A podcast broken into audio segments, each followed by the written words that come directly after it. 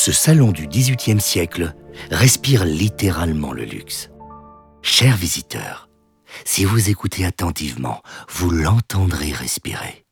Murs tapissés de cuir de cordeau, porcelaine et cristal à profusion, une pendule Louis XV, des portraits de famille.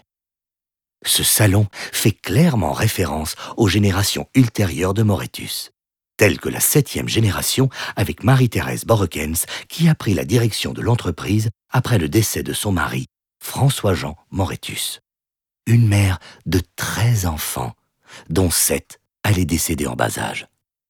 Aux grandes dames de leur mère, bien évidemment, mais aussi des servantes qui voyaient grandir les enfants. Bonjour Vous m'avez fait peur. Je suis toujours très concentrée quand je mets le couvert. Tellement peur de laisser tomber un objet précieux. Imaginez, une assiette en porcelaine frappée des armoiries de la famille en mille morceaux. Ou un verre de cristal. Tiens, en parlant de verre, celui-ci n'est pas totalement propre. Voilà. Je mets le couvert car Madame rentre ce soir d'un voyage d'affaires. Oui, c'est elle qui dirige l'imprimerie maintenant. Il faut savoir que son mari, Monsieur Moretus, est mort il y a quelques années. Certains disent qu'il est mort d'épuisement, parce que lui et Madame ont eu 13 enfants. Mais il ne faut surtout pas croire cette histoire d'épuisement. Maintenant, il faut savoir que sur ces 13 enfants, 6 sont déjà morts. Si c'est pas malheureux. Et hier, encore un. Un si bel enfant. J'en suis encore toute retournée. Et madame n'est encore au courant de rien. C'est moi qui vais devoir lui dire ce soir qu'il y a eu un autre décès. Bah, heureusement, on en a encore quelques-uns en réserve. Oups J'aurais pas dû dire ça. Je dois apprendre à tourner sept fois ma langue dans ma bouche. Les choses ont déjà été suffisamment difficiles ces derniers temps.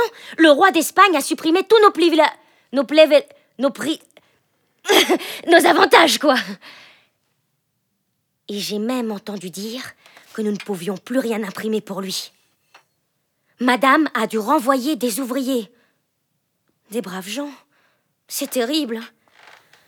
Et oui, l'imprimerie est sur le déclin, et voici la mort d'un autre gamin. Tiens, ça rime. Oups. Ah, c'était pas mon intention. Désolée.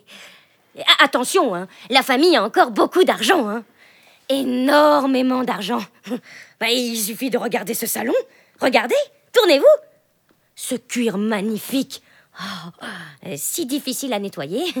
Et là, la pendule au mur. Bah, Avec elle, on sait toujours quand on est en retard dans son travail. Mais bon, l'argent ne fait pas le bonheur. C'est une réalité, et ça le restera toujours. Bon, allez, il faut que je continue. je dois encore faire les poussières. À bientôt, et, bonne chance dans la vie. Hein. Ah oui, dites Faites attention avec vos chaussures. Je viens de nettoyer.